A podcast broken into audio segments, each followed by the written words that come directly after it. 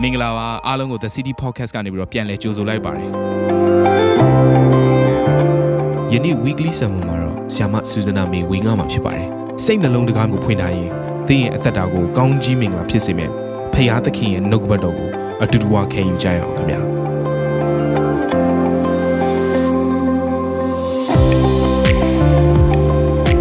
ဘုရားသခင်ကျေးဇူးတော်ကိုအထူးချီးမွမ်းပါတယ်ဒီနေ့မှာဘုရားသခင်ကိုချစ်တဲ့ ညီကိုမမတယောက်ချင်းစံနဲ့အသက်တဖန်ပြန်လဲပြီးတော့နှုတ်ကပတ်တော်အားဖြင့်ဝင်ငှတိုက်တွန်းအောင်တော့ခွင့်ကိုပေးတဲ့အတွက်ကြောင့်မလို့ဘုရားရဲ့နာမဒါပေဘုံကြီးပါစေ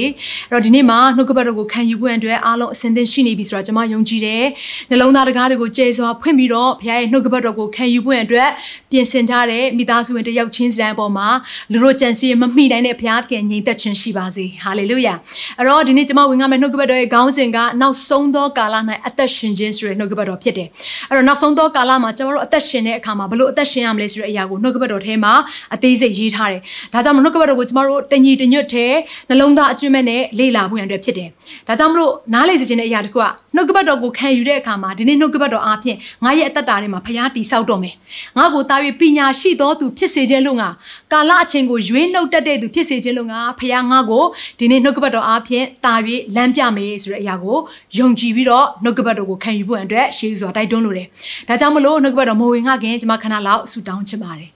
အသက်ရှင်သောဘုရားသခင်ကိုရောကိုကျေးဇူးတင်တယ်ဒီနေ့နှုတ်ကပတ်တော်အတွက်ကိုရဲ့နာမတော်ကိုချီးမွမ်းပါတယ်ဒီနေ့နှုတ်ကပတ်တော်ကိုကြားနာသူတယောက်ချင်းဆိုင်အသက်တာထဲမှာတန်ရှင်သောဝိညာဉ်တော်ဘုရားကိုရောကိုယ်တိုင်စကားပြောပါတိဆောက်တော်မူပါသူတို့အသက်တာထဲမှာဝိညာဉ်မိုင်းဆာမှာလိုအပ်သောအရာများကိုဝိညာဉ်တော်ဘုရားကိုယ်တိုင်ဖွင့်ပြတော်မူပါဘုရားသခင်သမီးရဲ့နှုတ်ရှာပါစက်ကိုလည်းကိုရောသုံးပြီးတော့တယောက်ချင်းဆိုင်အသက်တာထဲမှာအိုကိုရောပြန်လာမယ့်အချိန်နိုင်အတွက်ပြင်ဆင်တတ်သောသူများဖြစ်စေခြင်းလုံငါဝိညာဉ်တော်ဘုရားကိုရောမာစားတော်မူပါယေရှုတော်ကိုချီးမွမ်းတယ်ကိုရောဥဆောင်ဖို့ရန်အတွက်ကိုရောကိုအခွင့်ပေးလျက်အသက်တာအသီးသီးကိုစက္ကန့်အနံတဲ့အခါမှာအသက်ရှင်မနေရတဲ့နောင်ကာလမပြောင်းလဲပဲနဲ့သားသမီးတို့ကိုအစင်မြဲချစ်တော်မူသောယေရှုဖခင်ရဲ့မြတ်သောနာမကိုမြည်ပြီးအသက်တာအသီးသီးကိုစက္ကန့်အနံကြပါတယ်ဖာမြတ်စွာဘုရားသခင်အာမင်အဲ့တော့ရှေးဥစွာကျွန်မနှုတ်ကပတ်တော်ကိုဖတ်ချင်တယ်မဿဲခရစ်ဝင်ခန်းကြီး24အခန်းငယ်1ကနေ14ကိုကျွန်မဖတ်စေချင်တယ်အဲဒီနှုတ်ကပတ်တော်ကယေရှုခရစ်တော်ကိုယ်တိုင်ပြောခဲ့တဲ့နှုတ်ကပတ်တော်တွေဖြစ်တယ်ဒါကြောင့်မလို့ကျွန်တော်တို့ရဲ့အသက်တာထဲမှာနောက်ဆုံးသောကာလမှာအသက်ရှင်တဲ့အခါမှာ ဘလို့အသက်ရှင်ရမလဲဆိုတဲ့အရာကိုယေရှုခရစ်တော်ပြောခဲ့တဲ့စကားတွေကိုကြည့်ပြီးတော့ဒီကာလကိုပိုင်းခြားဖို့အတွက်ဖြစ်တယ်။ဒါကြောင့်မလို့ရှမသက်ခရစ်အခန်းကြီး24ခန်းငယ်1ကနေ14ကိုအတူတူကကျွန်တော်တို့ဖတ်ကြရအောင်။ ယေရှုသည်ဗိမာန်တော်မှထွက်ကြွတော်မူသည်ရှိသောတပည့်တော်တို့သည်ဗိမာန်တော်၏တိုက်ဆောင်များကိုပြခြင်းကအထံတော်သို့ချင်းကပ်ကြ၏ယေရှုကလည်းဤအရာလုံးစုံတို့ကိုသင်တို့သည်မြင်ကြသည်မဟုတ်လောငါအမှန်ဆိုသည်ကမဖြိုမချပဲကြောက်တစ်ခုပေါ်မှာတစ်ခုမတီမနေရဟုမိန့်တော်မူ၏ထို့နောက်တန်လွင်တောင်ပေါ်မှာထိုင်တော်မူစဉ်တပည့်တော်တို့သည်အခြားသူမပါဘဲချင်းကဲ့၍ဤအမှုအရာတို့သည်အဘေကာလမှဖြစ်မိကို၎င်းကိုတော်သည်ကြွလာ၍ဤကက်ကဘာကုံသောပုပ္ပနမိတ်သည်အဘေနမိတ်ဖြစ်မိကို၎င်းအမိတ်ရှိတော်မူပါဟုရှောက်ကြ၏ယေရှုကလည်းသင်တို့ကိုအဘေသူမျှမလှည့်ပြားစေခြင်းကတတိပြုကြလော့အများသောသူတို့ကငါသည်ခရစ်တော်ဖြစ်၏ဟုဆိုလျက်ငါ၏အယောင်ကိုဆောင်၍ပေါ်လာသဖြင့်လူအများတို့ကိုလှည့်ပြားကြလိမ့်မည် တင်တို့သည်စစ်တိုက်ခြင်းအကြောင်းကို၎င်းစစ်တိုက်အံ့သောငါတည်င်းစကားကို၎င်းကြားရလိမ့်မည်သို့တော်လည်းစိုးရိမ်တုန်လှုပ်ခြင်းမရှိစေခြင်းကသတိပြုကြလော့ထိုအမှုအရာများသည်ဖြစ်ရမည်သို့တော်လည်းအဆုံးသည်မဖြစ်သေး လူတစ်မျိုးနဲ့တစ်မျိုးတနိုင်ငံနဲ့တနိုင်ငံရံဘက်ပြုကြလိမ့်မည်အရရက်တို့၌အစာခေါင်းပါခြင်းကာလနာများပြားခြင်းမြေကြီးလှုပ်ခြင်းတို့သည်ဖြစ်ကြလိမ့်မည်ထိုမှုရာတို့သည်ဒုက္ခဆင်းရဲခြင်း၏အစအဦးဖြစ်သည်ထိုကာလ၌လူများတို့သည်သင်တို့ကိုညှင်းဆဲခြင်းအသေးသက်ခြင်းကိုခံစေခြင်းဟာအနှံကြလိမ့်မည်ငါ၏နာမကြောင့်လည်းခတ်သိမ်းသောလူမျိုးတို့သည်သင်တို့ကိုမုန်းကြလိမ့်မည် ထိုကာလ၌အများသောသူတို့သည်ဖောက်ပြန်ခြင်းသို့ရောက်၍အချင်းချင်းတယောက်ကိုတယောက်အနှံကြလိမ့်မည်အချင်းချင်းမုန်းကြလိမ့်မည်မိစ္ဆာပရောဖက်အများတို့သည်ပေါ်လာ၍လူအများတို့ကိုလှည့်ပြားကြလိမ့်မည်မတရားသောအမှုတို့သည်များပြားသဖြင့်အများသောသူတို့၏ချစ်ချင်းမေတ္တာသည်ခေါင်းပါကြလိမ့်မည်အကျဉ်သူသည်အဆုံးတိုင်အောင်တည်ကြည်၏ထိုသူသည်ကေတင်ခြင်းသို့ရောက်လိမ့်မည်လူမျိုးအပေါင်းတို့အားတက်တည်ဖြစ်မည်အကြောင်းနိုင်ငံတော်နှင့်ရှင်သောဧဝံဂေလိတရားကိုလောကီနိုင်ငံအရေးရရှိသမျှတို့၌ဟောရလိမ့်မည်တို့ပြီးမှအဆုံးသည်ဖြစ်လက်တတ် အဲ့တော့ဒီနှုတ်ကပတ်တော်ကိုကြည့်တဲ့အခါမှာယေရှုခရစ်တော်ကသူ့ရဲ့တပည့်တော်တွေကိုပြောခဲ့တဲ့နှုတ်ကပတ်တော်ဖြစ်တယ်။အဲ့တော့တနေ့ကျတော့ယေရှုခရစ်တော်ကနှုတ်ကပတ်တော်ကိုဗိမာန်တော်ထဲမှာဝင်ရောက်ပြီးတော့ဝင်ငှပြီးပြီးတော့ဗိမာန်တော်တွေကပြန်ထွက်လာတဲ့အခါမှာတပည့်တော်တွေကပြောကြတယ်။ယေရှုခရစ်တော်ဒီထဲမှာရှိတဲ့ဗိမာန်တော်ထဲမှာရှိတဲ့တိုက်ဆောင်တွေကိုလိုက်ပြီးတော့ကြည့်ရအောင်ဘလို့ပုံစံတိဆောက်ထားတယ်ဆိုတဲ့အရာဘလောက်ခန်းနားတယ်ဆိုတဲ့အရာကိုယေရှုခရစ်တော်ကိုလိုက်လံပြီးတော့ပြသခြင်းကြတယ်။အဲ့တော့ ယေရှုခရစ်တော်ဒီလက်ထက်မှာအခုရှိခဲ့တဲ့ temple ဗိမာန်တော်က second temple ဖြစ်တယ်ဒုတိယအကြိမ်ပြင်လဲပြီးတော့တိဆောက်ထားတဲ့ temple ဖြစ်တယ်ပထမ temple ကတော့ဘယ်သူတိဆောက်ခဲ့တယ်လဲဆိုလို့ရှင်ရှောလမုန်မင်းကြီးတိဆောက်ခဲ့တယ်ဘာဘူးလုံเนาะရှင်ဘုရင်ဖြစ်တဲ့နေဘုခနေဇာမင်းကြီးအပြင်အဲ့ဒီနေဟာပျက်စီးခြင်းကိုခံရတယ် ဒါကြောင့်မလို့ဒုတိယဗိမာန်ကိုဘယ်သူကပြန်တိဆောက်လဲဆိုတော့ဟေရုမင်းကြီးကပြန်တိဆောက်တယ်အဲ့တော့သူတိဆောက်ခဲ့တဲ့အခါမှာဗိမာန်တော်ရဲ့ခမ်းနားမှုကတကယ့်ကိုအမခမ်းပဲဖြစ်တယ်အခုအချိန်ထိเนาะကျွန်တော်တို့အာဒီယေရုရှလင်မြို့မှာရှိတဲ့ဗိမာန်တော်ကိုသွားပြီးတော့ကြည့်ရှုတဲ့အခါမှာတော်တော်လေးကိုအဲကျွန်တော်တို့အနေနဲ့နော်စဉ်းစားကြရအောင်ဖြစ်တယ်အဲ့ဒီအောက်ထပ်မှာသူတို့ဒီဗိမာန်တော်ရဲ့မြို့ရိုးရဲ့အောက်ထပ်မှာသူတို့တိဆောက်ထားတဲ့ဟာကတော်တော်ကိုခမ်းနားတယ် ကြောက်တွေကတကယ့်ကိုကြီးမားလေးလံတဲ့ကြောက်တွေနဲ့တိဆောက်ထားတယ်အဲ့ထဲမှာဖြက်ရဆက်ရမရှိတဲ့ကြောက်တုံးကြီးတဒုံးကိုကျမတို့မြင်ခဲ့တယ်ကျန်တဲ့အရာတွေကတော့အကုန်လုံးပြိုသွားပြီပေါ့ဆိုတော့အဲ့ဒီကြောက်တုံးတဒုံးရဲ့အလျားက45ပေရှိတယ်45ပေဆိုတော့45ပေအရှည်ရှိတယ်အမြင့်က12ပေအမြင့်ရှိတယ်ပြီးရင်သူ့ရဲ့ဒုတယ်နော်သူ့ရဲ့ဒုတွေကအဲ14ပေရှိတယ်အဲ့တော့စဉ်းစားကြည့်ပါဘလောက်အထိ အာကြီးမားလေးလံတဲ့ကြောက်တုံးကြီးဖြစ်ဖြစ်လိမ့်မယ်ဒါတော့တရုံးပဲရှိသေးတယ်ကြောက်တုံးအဲ့ဒီကြောက်တုံးတရုံးကတန်600လောက်လေးတယ်ဆိုတော့ဒီကြောက်တုံးကိုနော်အဲယူပြီးတော့မှသူတို့ဘလို့မျိုးများနော်တဲတဲကြတယ်လေဘလို့စက်တွေများတုံးခဲ့တယ်လေစသဖြင့်စဉ်းစားစရာပေါ့နော်အဲ့တော့ပြန်လေ့လာတဲ့အခါမှာအာသူတို့တုံးတဲ့အရာတွေကရိုးရိုးလေးတွေပဲသူတို့တတုံးတွေကိုတုံးတယ်တခြားတရိတ်ဆန်တွေကိုတုံးပြီးတော့ဒီလိုဆွဲငင်အားဆွဲပြီးတော့သူတို့အဲပြုတ်လောက်ကြတဲ့အရာတွေကိုနော်ကျွန်တော်တို့ပြန်ပြီးတော့လေ့လာရတယ်ဆိုတော့ပြောချင်တဲ့အရာက ဒီအဗိမာန်တော်ကိုတိဆောက်ခဲ့တဲ့အရာကတိတ်ကိုခမ်းနားတယ်ခမ်းနားတဲ့အတွက်ကြောင့်မလို့နော်သူ့ရဲ့တပည့်တော်တွေကပြကျင်တာပေါ့ဒါပေမဲ့ယေရှုခရစ်တော်ပြန်ပြောတဲ့အရာကဘာလဲဆိုတော့လူရဲ့လက်နဲ့ပေါ့နော်ဒီ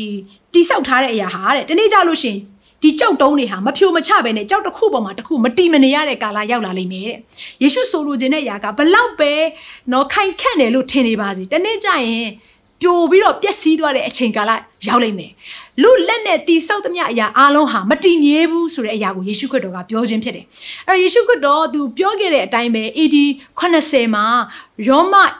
ဘုရင်ဖြစ်တဲ့ Titus အားဖြင့်ဒီနော်ဒီဗိမာန်တော်ကြီးဟာပြိုပျက်ပြီးတော့ပျက်စီးသွားတယ်။သို့တော်လည်းကြောက်အကြံကျွင်းတွေရှိခဲ့တယ်။အခုကျမတို့သွားပြီးတော့ယေရုရှလင်မြို့ကိုကြည့်တဲ့အခါမှာဒီကြောက်ကြံကျွင်းတွေကိုကြည့်ခြင်းအပြင်ယေရှုပြောခဲ့တဲ့အရာတွေအားလုံးကို ဒီကြောက်တုံးတွေကတက်တေထူနေတယ်ဆိုပြီးတော့သွားပြီးတော့တော့ကျွန်မတော့ခံယူမိသေးတယ်အဲ့တော့နားလေစီခြင်းတဲ့အရာကလူလက်နဲ့တိဆောက်သမျှအရာအားလုံးဟာတဖြည်းဖြည်းနဲ့ပျက်စီးလာလိမ့်မယ်လူလက်နဲ့တိဆောက်သမျှအရာအားလုံးဟာဒီနေ့ဖခင်ရဲ့အရှိမမတည်မြဲဘူးဆိုတဲ့အရာကိုနားလည်ဖို့ပဲဖြစ်တယ်အာမင်အဲ့တော့အဲ့လိုမျိုးယေရှုခရစ်တော်ပြောလိုက်တဲ့အချိန်မှာတပည့်တော်တွေကလူရှိမှတော့မေကုံမမေးကြအောင် သို့တော့ယေရှုခရစ်တော်ကတန်လွင်တောင်ပေါ်မှာသွားပြီးတော့ထိုင်နေတဲ့အချိန်ကျတော့တပည့်တော်တွေကချင့်ကပ်ပြီးတော့ယေရှုခရစ်တော်ကိုမေးတယ်။ဘာမေးကြလဲဆိုလို့ရှိရင်ကိုရောဒီအမှုရာဘယ်အချိန်မှာဖြစ်မှာလဲ။ပြိုပြက်ချင်းဆိုတဲ့ຢာကဘယ်အချိန်မှာဖြစ်မှာလဲ။ကိုရောပြန်ပြီးတော့ဒုတိယဒုတိယအချိန်ပြန်လဲကြွလာတဲ့အခါမှာကိုရောပြန်ကြွလာတဲ့အခါမှာတက်ကဘာကုံသွားတဲ့ပုပ္ပနမိတ်တွေကဘာတွေဖြစ်မလဲဆိုပြီးတော့ယေရှုခရစ်တော်ကိုမေးတယ်။ဒါနဲ့ယေရှုခရစ်တော်ကစတင်ပြီးတော့ပြောတယ်။ဘာပြောလဲဆိုလို့ရှိရင်တင်တို့ကိုအဘယ်သူမျှမလှည့်ပြားစေခြင်းကတတိပြုကြလောတဲ့။ နောက်ဆုံးသောကာလမှာအသက်ရှင်နေတဲ့တင်နဲ့ကျွန်ုပ်ပထမအဆုံးသတိရမယ့်အရာက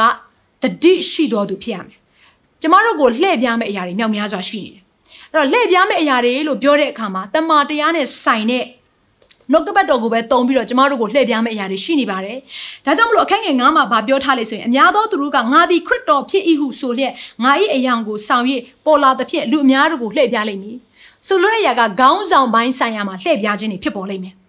ငါဟာခရစ်တော်ဖြစ်တယ်တနည်းအားဖြင့်ငါဟာခရစ်ယာန်လို့ပြောတာနဲ့အတူတူပဲ။နော်ခရစ်တော်ဖြစ်တယ်ဆိုပြီးတော့လိန်တဲ့သူရှိလို့ငါခရစ်ယာန်ဖြစ်တယ်ဆိုပြီးတော့ဖခင်ရဲ့နာမတော်ကိုအလွဲသုံးစားလှုပ်ဆောင်တဲ့နော်တရားဟောဆရာတွေပေါ်လာလိမ့်မယ်ဒါသူသူပြောတဲ့အရာကရှင်းရှင်းလေးပဲနော်ဆိုတော့ကျွန်မလွန်ခဲ့တဲ့နော်တပတ်လောက်တော့ကျွန်မဘာကိုတွေ့ရလဲဆိုလို့ရှိရင်အင်တာနက်မှာတကယ်ဖရာသခင်ရဲ့နာမတော်ကိုအလွဲသုံးစားလုပ်ပြီးတော့ဝင်ငှနေနှုတ်ကပတ်တော်ဝင်ငှနေတဲ့ဆရာတွေကိုကျွန်မတွေ့ရတယ်အဲ့တော့သူတို့ဝင်ငှတဲ့အရာတွေထဲမှာတကယ်ကို အာတကယ်လော်ကီတက်မှတ်ခြင်းနဲ့ဆိုင်တဲ့အရာတွေကိုပဲသူတို့ဝင်ခတယ်အဲကျွန်မပြောချင်တဲ့အရာကကျွေဝခြင်းနဲ့ဆိုင်တဲ့အရာကိုဝင်ခလို့ရပါတယ်သို့တော့အဲ့ကျွေဝခြင်းနဲ့ဆိုင်တဲ့အရာကိုဝင်ခတိုင်းမှာငွေကြေးနော်ငွေကိုပထမထားပြီးတော့ဝင်ခတဲ့အရာတွေရှိတယ်တိုက်တေကားတွေကိုပထမထားပြီးတော့ဝင်ခတဲ့အမှုတော်ဆောင်တွေကိုကျွန်မတွေ့ရတယ်ဆိုတော့တော်တော်အံ့ဩစရာကောင်းတယ်သူတို့ဝင်ခတဲ့အခါမှာ money နော် come စသဖြင့်ငွေကြေးလာစသဖြင့်အဲ့အရာတွေကိုမြင်ရတယ်ဒီအရာဟာဒါ ယေရှုခရစ်တော် money come ဆိုပြီးတော့သင်ကြားပေးခဲ့တဲ့အရာတွေထဲမှာမပါဘူးယေရှုခရစ်တော်ကကျမတို့မတောင်းခင်ကလေးကထိုအရာတွေကိုလိုတယ်ဆိုတာသိရတဲ့အတွက်ကြောင့်မလို့ပြင်ဆင်ပေးဖို့တဲ့ယေရှုခရစ်တော်ကလှုပ်ဆောင်နှင်ပြီးဖြစ်တယ်။တိုးတော့ကျမဆက်ပြီးတော့ကြည့်လိုက်တဲ့အခါမှာသူတို့အာဝင်ငှနေတဲ့တရားဟောပလင်ပေါ်မှာဘာလုပ်ကြလဲဆိုလို့ရှိရင်ကဲအခုအချိန်မှာငွေကြေးကောင်းကြီးခံစားခြင်းတဲ့သူတွေကအခုကျွန်တော်ကိုငွေကြေးလာပေးပါဆိုပြီးတော့လူတွေအားလုံးကသူမတ်တရက်ပြီးတော့တရားဟောအာတရားဟောနေတဲ့စင်ပေါ်မှာလာပြီးတော့ငွေကြေးတွေကို ပြစ်ပြစ်ပြီးတော့တခါတည်းပေးကြတယ်သူရဲ့ state စင်ပေါ်မှာငွေကြေးတွေအမလေးထောင်နဲ့ချီမြောက်များစွာရှိနေတယ်ဒီအရာကိုပြောတဲ့အခါမှာကျွန်မကဟိုငွေကြေးနဲ့ပတ်သက်ပြီးတော့ဝင်ငှတာကိုမှားတာမှားတယ်လို့ကျွန်မပြောနေတာမဟုတ်ဘူးမှန်ကန်စွာ တွန်တင်တက်တော်သူဆိုရင်တော့မှန်တယ်။အမဆေဖို့တစ်ဖုတ်ကိုဘယ်လိုပေးရမလဲ။နော်မိဘမဲ့မုတ်ဆိုးမတွေကိုကျွေးဖို့အတွက်လားဒါမှမဟုတ်ကိုကဘယ်လိုမျိုးပိုင်းခြားရမလဲ။စသဖြင့်ဒီຢာတွေကိုအသင်းတော်ကတင်ပေးရမှာမှန်တယ်။သို့တော်လည်းငွေကြေးကိုပဲတင်လိုချင်ဖို့ရန်အတွက်ငွေကြေးကိုပဲတက်မှတ်ဖို့ရန်အတွက်တွန်တင်နေတယ်ဆိုထိုတွန်တင်ခြင်းကမှားယွင်းသောတွန်တင်ခြင်းဖြစ်တယ်။ဒါကြောင့်မလို့နောက်ဆုံးသောကာလမှာလူတွေကိုလှည့်ပြားမယ်နှုတ်ကပတ်တော်ဝင်ငှတဲ့အရာတွေမြောက်များစွာပေါ်ပေါက်လာမယ်ဆိုတာတတိယစေခြင်းတယ်။ ပရောဖက်တွေထဲမှာလည်းမှားယွင်းတဲ့ပရောဖက်တွေပေါ်ပေါက်လာမယ်ဆိုတဲ့အရာကိုနှုတ်ကပတ်တော်ထဲမှာပြောထားတယ်။ဒါဆိုရင်စဉ်းစားမယ့်အရာကဖျားသခင်နဲ့ဆိုင်တဲ့နှုတ်ကပတ်တော်ဝင်ငှနေတဲ့သူလားဒါမှမဟုတ်မာနနဲ့ဆိုင်တဲ့ပရောဖက်တွေလားဒီအရာတွေကိုသင်ခွဲခြားနားလည်နိုင်ဖို့အတွက်တမန်ကျမ်းစာကဖော်ပြထားပြီးဖြစ်တယ်အာမင်အဲ့တော့တမန်ကျမ်းစာဘယ်လိုဖော်ပြထားလဲဆိုပထမတစ်ချက်မာနနဲ့ဆိုင်တဲ့သူဆိုလို့ရှိရင်သူတို့ရဲ့အပြောဆိုသူတို့ရဲ့လှုပ်ဆောင်ချက်တွေထဲမှာဘာပါတယ်လဲဆိုလို့ရှိရင်ဟေရှာယအခန်းကြီး14ထဲမှာဖော်ပြထားတဲ့အတိုင်းပဲ ငါ it's all about me it's all about what i want ဆိုတဲ့စကားလုံးကိုပဲအမြဲတမ်းသုံးလိုက်မယ်အဲ့တော့ဒီကျမ်းချက်ကလေးကိုကျွန်မဖတ်ချင်တယ်ဟေရှာအခန်းကြီး14ခန်းငယ်12ကနေပြီးတော့15ထဲမှာရေးထားတယ်။အိုနနက်သားမိုးတောက်ကျဲတင်ဒီကောင်းကင်ကကြလိပြီတကားအပီပီတို့ကိုနှိပ်ဆက်သောတင်ဒီမြေတိုင်အောင်ခုတ်လဲခြင်းကိုခံရလိပြီတကားတင်ကလည်းကောင်းကင်ဘော်သို့ငါတက်မည်အဲ့ဒီငါဆိုတဲ့အရာ ကိုကိုကိုစန်တာထားတဲ့အရာကိုလိုချင်တဲ့အရာသူတစ်ပါးရဲ့အထက်မှာနေချင်တယ်သူတစ်ပါးကိုအမြဲတမ်းနော်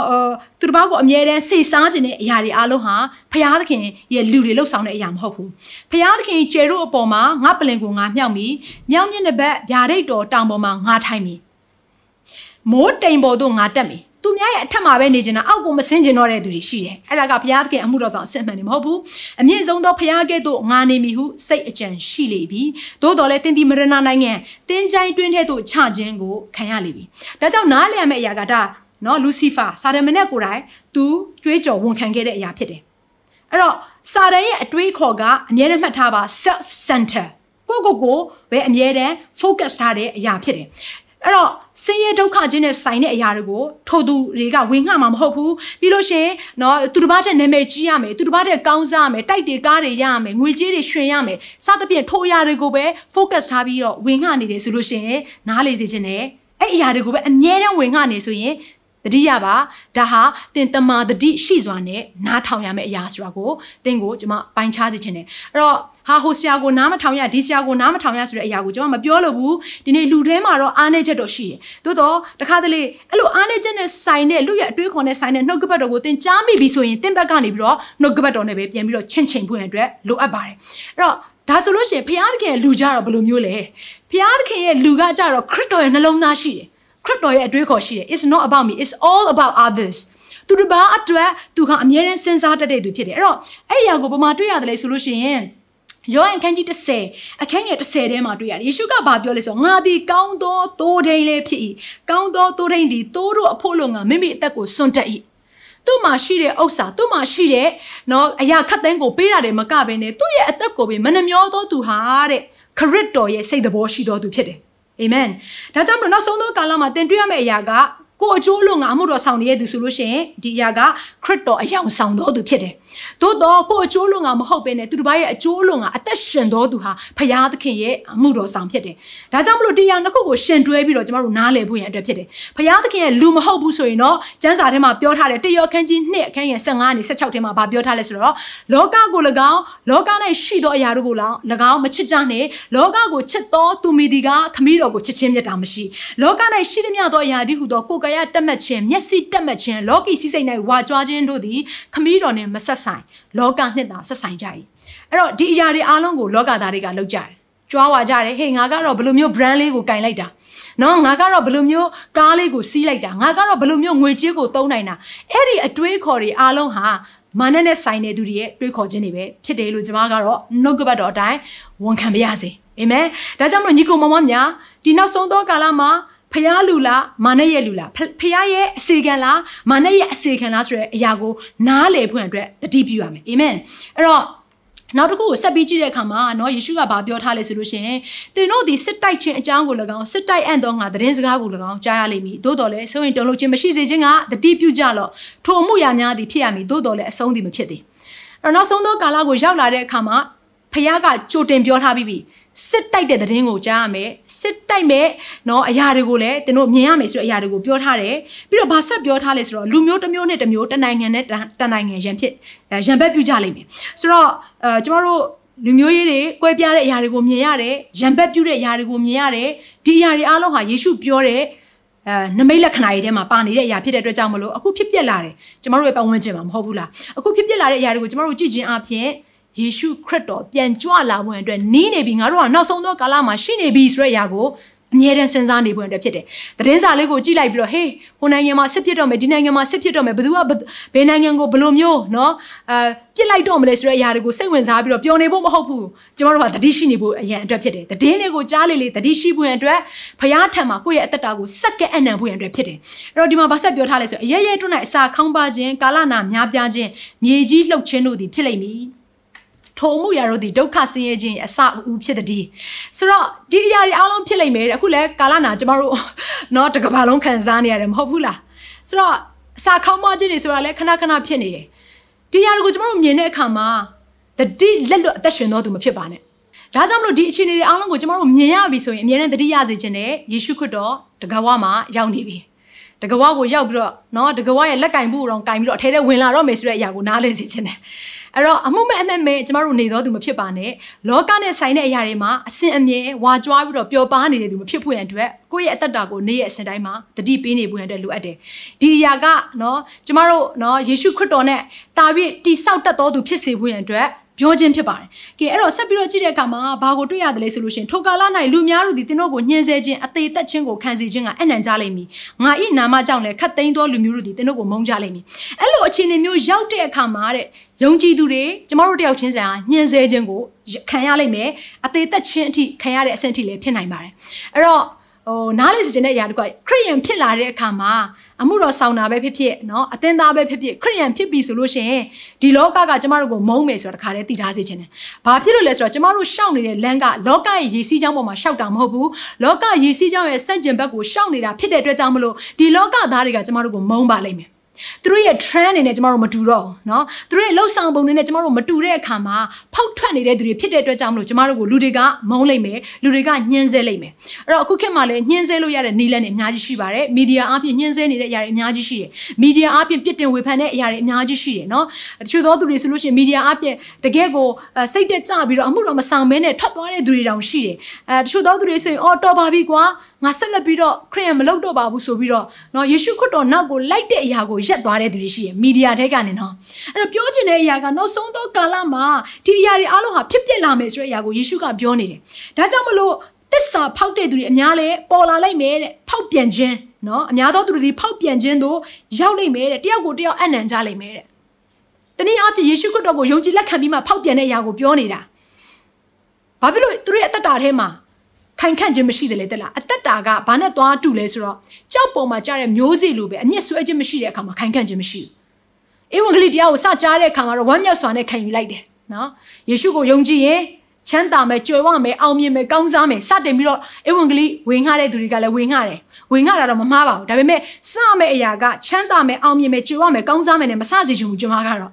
ဘာနဲ့စားစေခြင်းလဲဆိုတော့အပြစ်တွေကိုနောင်တရပေါ်နဲ့စတင်ပြီးတော့ဝင်ငှမှာဖြစ်တယ်။နောင်တရခြင်းမရှိဘူးဆိုရင်ခိုင်ခန့်ခြင်းမရှိဘူး။နောင်တရခြင်းမရှိဘူးဆိုဘုရားရဲ့ကယ်တင်ခြင်းတို့မရအောင်။အာမင်။ဒါကြောင့်မလို့ ကျမတို့နားလေစေခြင်းနဲ့ခဏခဏလူတွေရဲ့အသက်တာထဲမှာနှုတ်ကပတ်တော်ကိုကြားကြားပြီးတော့ဘာလို့ best light ပြန်ဖြစ်သွားလဲဆိုတော့အသက်တာထဲမှာဒီနေ့ယေရှုခရစ်တော်ရဲ့ကယ်တင်ခြင်းတည်င်းစကားကိုအင်္ဂလိပ်တည်င်းစကားကိုထိထိမိမိမရသွားတဲ့အတွက်ကြောင့်မလို့ဖြစ်တယ်။တချို့သောသူတွေကဟာနော်အမှုတော်ဆောင်ဖြစ်ချင်ကြတယ်။အဲယေရှုခရစ်တော်ကိုယုံကြည်လက်ခံပြီးပြီးဟာအမှုတော်ဆောင်အရန်ဖြစ်ချင်ကြတယ်ဒီခေတ်မှာလေနော်။ဟာအရင်တော့ဆိုလို့ရှိရင်အရင်ခေတ်တော့အမှုတော်ဆောင်တွေကမမိုက်ဘူးတဲ့နော်။လောကစကားနဲ့ပြောမယ်ဆိုလူငယ်တွေပြောတာပါနော်။အဲမမိုက်ဘူးတဲ့။ဘာဖြစ်လို့လဲဆိုရင်အမှုတော်ဆောင်ဖြစ်ဆင်းရဲတယ်လေတဲ့။ နော်အဲကျမတို့တငယ်ချင်းတွေဆိုပြောဘူးတယ်အမှုတော်ဆောင်ဖြစ်ဆင်းရဲတယ်ညီတို့အမေဖေကြည်လိုက်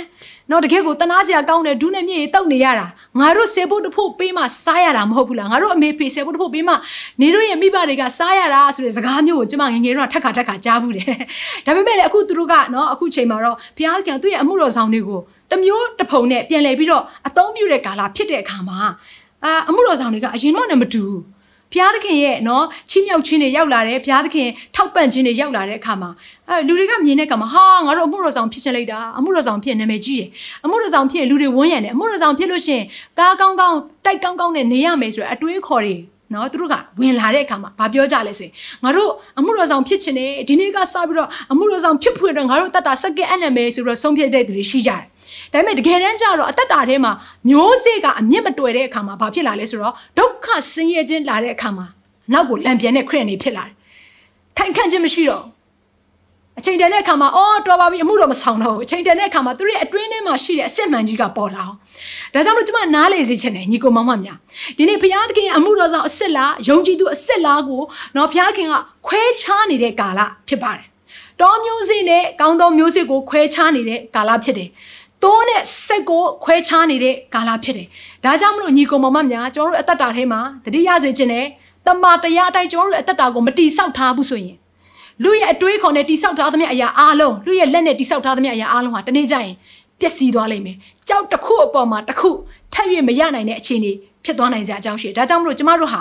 ခရစ်တော်ဆိုတဲ့ကြောက်အပေါ်မှာတည်နေတဲ့သူတွေဖြစ်ဖို့ရန်အတွက်လူရဲ့အတွေးခေါ်လူရဲ့ညံလူရဲ့လက်နဲ့ကိုယ့်ရဲ့အသက်တာကိုတိဆောက်ဖို့ရန်အတွက်မဟုတ်ဘဲနဲ့ခရစ်တော်ရဲ့အထဲမှာကျမတို့ရဲ့အသက်တာကိုခရစ်တော်ရဲ့အပေါ်မှာအစဉ်အမြဲတိဆောက်နေဖို့အတွက်ဖြစ်ပါတယ်အာမင်အဲ့တော့ဒီမှာဘာဆက်ပြီးတော့ပြောထားလဲဆိုလို့ရှိရင် အချင်းချင်းတယောက်ကိုတယောက်အနှံကြလိမ့်မည်အချင်းချင်းမုန်းကြလိမ့်မည်တဲ့ခရိယန်ထဲမှာတယောက်နဲ့တယောက်မုန်းတဲ့သူတွေရှိလားရှိတယ်ဒါဆိုသတိရပါမကြခင်ခရစ်တော်ကြွလာဖို့ရန်အတွက် prophet ပြုချက်တွေပြည့်စုံနေပြီ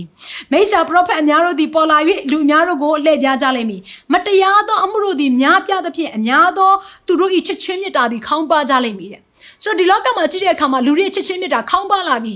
သားသမီးနဲ့မိဘနဲ့ဂျားထဲမှာရှိတဲ့ချစ်ချင်းမြတ်တာတွေခေါင်းပါတယ်ညီကိုမောင်မနဲ့နော်အချင်းချင်းဂျားထဲမှာချစ်ချင်းမြတ်တာတွေခေါင်းပါတယ်လင်မယားဂျားထဲမှာရှိတဲ့ချစ်ချင်းမြတ်တာတွေခေါင်းပါတယ်အသင်းတော်မှာရှိတဲ့အသင်းဟုတ်ဆရာနဲ့အသင်းသူသင်သားတွေချစ်ချင်းမြတ်တာခေါင်းပါတဲ့ຢာတွေ တွေ့ရတယ်ဒီຢာတွေကဘာကိုညွန်ပြနေတယ်လေဆိုတော့နောက်ဆုံးသောကာလမှာအသက်ရှင်နေရတဲ့အချိန်ကာလကိုညွန်ပြနေခြင်းဖြစ်တယ်အဲ့တော့ကျမဟိုလွန်ခဲ့တဲ့တလောကသတင်းထဲမှာဘာတွေ့လိုက်ရလဲဆိုလို့ရှင်ကနေဒါနိုင်ငံမှာเนาะဒါကတော့သူတို့ဥပဒေအသစ်တစ်ခုပေါ့เนาะဒါကတော့မဖြစ်လာသေးဘူးအဆိုတင်သွင်းထားတဲ့အရာအကယ်၍ဒီအရာကအတီးပြုတ်သွားပြီဆိုရင်တော့မလွယ်ဘူးတာမှတ်သူကဘာပြောထားလဲဆိုရင်ဆယ်ကျော်သက်အရွယ်ကလေးငယ်တွေပေါ့နော်ဆယ်ကျော်သက်အရွယ်ရှိတဲ့လူတွေကတဲ့ ကလေးငယ်တွေကအကယ်၍များသူတို့ကအသက်မရှင်ကျင်တော့ဘူးဒီလောကမှာမနေကျင်တော့ဘူးကိုယ့်ကိုယ်တက်သေးကျင်လို့ရှင်တက်သေးခွင့်ပြုတဲ့ဥပဒေကိုထုတ်ဖို့ရန်အတွက်အဆိုတင်သွင်းကြတာဆိုလိုတဲ့ရကဒီနှုတ်ကပတ်တော်ပြောတဲ့ရကမှန်လားလားဆိုတော့မှန်လားတယ်နော်ချစ်ချင်းမေတ္တာခေါင်းပါခြင်းဆိုတာကများလာတယ်တဲ့နော်များလာတယ်ဆိုတော့အဲ့တော့ဒီအရာကိုဒါတခါမှမကြားဘူးတဲ့အမှုဆိုတော့နော်တခါမှမကြားဘူးတဲ့အဆိုတင်သွင်းခြင်းဆိုတော့ကျမတို့အနေနဲ့အံ့ဩစရာဖြစ်ကောင်းဖြစ်ပါလိမ့်မယ်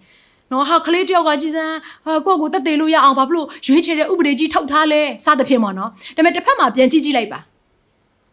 ဘာမှအရွယ်မရောက်သေးတဲ့ဘိုက်ထဲမှာရှိတဲ့ကလေးငယ်ကိုမိခင်ကဖျက်ချနိုင်တယ်ဆိုတဲ့ဥပဒေကြီးကောအဲ့တော့ဒါတွေကလည်းဖះရဲ့နော်တရားတော်တွေကထွက်သွားတဲ့အရာတွေဖြစ်တယ်ဒါတွေဟာဖះခင်မနစ်သက်တဲ့အရာဖြစ်တယ်ယွန်မုန်းတဲ့အရာဖြစ်တယ်ကဲနောက်ထပ်ဆက်ကြည့်လိုက်ပါအောင်နော်ယောက်ျားချင်းမိန်းမချင်း ဒီအရာတွေအားလုံးဟာလည်းနော်မေထုံတဝါဒပြုခြင်းဆိုတာဖရာသခင်တရားတော်လမ်းထဲကနေထွက်တဲ့ဖရာမနှစ်သက်တဲ့အရာတွေဖြစ်တယ်ဘုရားသခင်တကယ့်ကိုဆက်ဆုပ်ယွန်ရှာတဲ့အရာတွေဖြစ်တယ်ဒါကြောင့်မို့ညီကောင်မောင်မများနောက်ဆုံးသောကာလမှာချစ်ချင်းမေတ္တာတွေဟာခေါင်းပါလာပြီလူရဲ့တက်မှတ်ခြင်းတွေကနေရာယူလာပြီဖြစ်တယ်ဒါကြောင့်မို့ယုံကြည်သူတွေရဲ့အတ္တတာထဲမှာလောကနဲ့ဆိုင်တဲ့တက်မှတ်ခြင်းကိုမဝင်ရောက်နိုင်ဖို့ရန်အတွက်ခရစ်တော်ရဲ့အထဲထဲမှာအမြဲတမ်းခိုလုံတက်တဲ့သူတွေဖြစ်ပါဟာလေလုယာဘုရားကတော့နောက်ဆုံးသောကာလမှာတလောကလုံးကို shake လုပ်လိုက်မယ် တလောကလုံးကို तू shake လုပ်တဲ့အခါမှာ तू နော်ဘာအတွက် shake လုပ်လဲဆိုတော့ခိုင်ခန့်တဲ့အရာတွေဆက်လက်ပြီးတော့တည်တံ့စေဖို့ရန်အတွက်နဲ့မခိုင်ခန့်တဲ့အရာရှိသမျှကိုဘုရားကဖယ်ရှားဖို့ရန်အတွက်ဖြစ်တယ်။ဆိုလိုတဲ့အရာကဒီနေ့ခရစ်တော်အပေါ်မှာကိုယ့်ရဲ့အသက်တာကိုမတိဆောက်တဲ့သူတွေရဲ့အသက်တာဟာပြိုလဲပြီးတော့ နော်တနည်းအားဖြင့် best life ဖြစ်သွားမယ်နော်သူတို့ရဲ့တက်မဲ့ချင်းနောက်ကိုသူတို့ပြန်လိုက်သွားလိမ့်မယ်သို့တော့ခရစ်တော်ရဲ့အထဲထဲမှာခရစ်တော်ကိုတကယ်ယုံကြည်ပြီးတော့စက္ကန့်အနှံတဲ့သူတွေရဲ့အသက်တာကတော့ထူးခြားပြီးတော့ဟာလေလုယာထူးခြားပြီးတော့သူတို့အသက်တာဟာတကယ်ကိုလှပပြီးတော့ဟိုဖျားသခင်နှစ်သက်တဲ့အသက်တာထဲမှာရှောက်လန်းသွားနိုင်မှာဖြစ်တယ် သို့တော်လည်းဒီမှာကျမ်းစာကဘာပြောထားလဲဆိုရင်အကျဉ်သူသည်အဆုံးတိုင်အောင် DGE ထိုးသူသည်ကဲတင်ခြင်းတို့ရောက်လိမ့်မည်လူမျိုးအပေါင်းတို့အားတတ်သိဖြစ်မိအကြောင်းနိုင်ငံတော်နှင့်ရှင်သောဧဝံဂေလိတရားကိုလောကီနိုင်ငံအရေးရရှိသမျှတို့၌ဟောရလိမ့်မည်တို့ပြီးမှအဆုံးသည်ဖြစ်လက်တံအဲ့တော့ဒီမှာဘာပြောထားလဲဆိုအဆုံးတိုင်အောင် DG လို့ရှင်တော့ကဲတင်ခြင်းကိုရောက်လိမ့်မယ်ပြောချင်တဲ့အရာကအဆုံးတိုင်အောင် DG ဖို့တော့လိုမယ်နော်တဲ့နော်ယေရှုခရစ်တော်ကပြောနေတာတဝက်တစ်ပြက်နဲ့ကျမတို့အသက်တာနောက်ဆုတ်သွားဖို့နဲ့ဘုရားခင်အလိုတော်မရှိဘူးခဏနေ ဝိညာဉ်ရေးရပိုင်းဆာမှာအရင်စိတ်အားကြီးလိုက်ခဏနေကျရင်ပြန်ပြီးတော့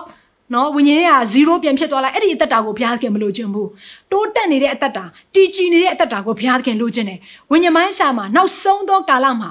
လူတွေလမ်းလွဲနေတဲ့အချိန်မှာတော့မှကိုကဖရာသခင်အပေါ်မှာတာ၍တစ္ဆာရှိနေပြီးတော့တည်ကြည်တဲ့သူဖရာခင်ဖြစ်စေခြင်းနဲ့ဆိုတော့နောက်ဆုံးသောကာလမှာထိုထိုကဲ့သို့သောသူများကြံအောင်မလားဆိုတော့ကြံမှာပေါ့ကြံမှာဖြစ်တဲ့အတွက်ကြောင့်မလို့ဖရာကတည်ကြည်တဲ့သူဟာကဲ့တင်ခြင်းရောက်လိမ့်မယ်လို့ပြောတယ်အဲ့တော့ဝမ်းသာစရာကောင်းတဲ့သတင်းကပါလဲဆိုတော့နောက်ဆုံးသောကာလမှာတည်ကြည်တဲ့အသင်းတော်တွေပေါ်ထွက်လာအောင်မယ်အဲ့ဒီအသင်းတော်ဟာသင်နဲ့ကျွန်တော်ဖြစ်ရမယ်ဟာလေလုယာအဲ့ဒီအသင်းတော်ဒီနှုတ်ကပတ်တော်နားထောင်နေတဲ့ယုံကြည်သူမိသားစုဝင်တယောက်ချင်းတိုင်းဖြစ်ဖို့အတွက်ဒီနေ့ဘုရားသခင်အလိုတော်ရှိတယ် အာမင်အဲ့တော့ဘုရားကဘာဆက်ပြောထားလဲဆိုလို့ရှိရင်လူမျိုးအပေါင်းတို့ရဲ့တက်သေးဖြစ်ဖို့နဲ့ဘုရားသခင်ဟာဒီနေ့ကျွန်တော်ကိုတုံးလိုက်မယ်တဲ့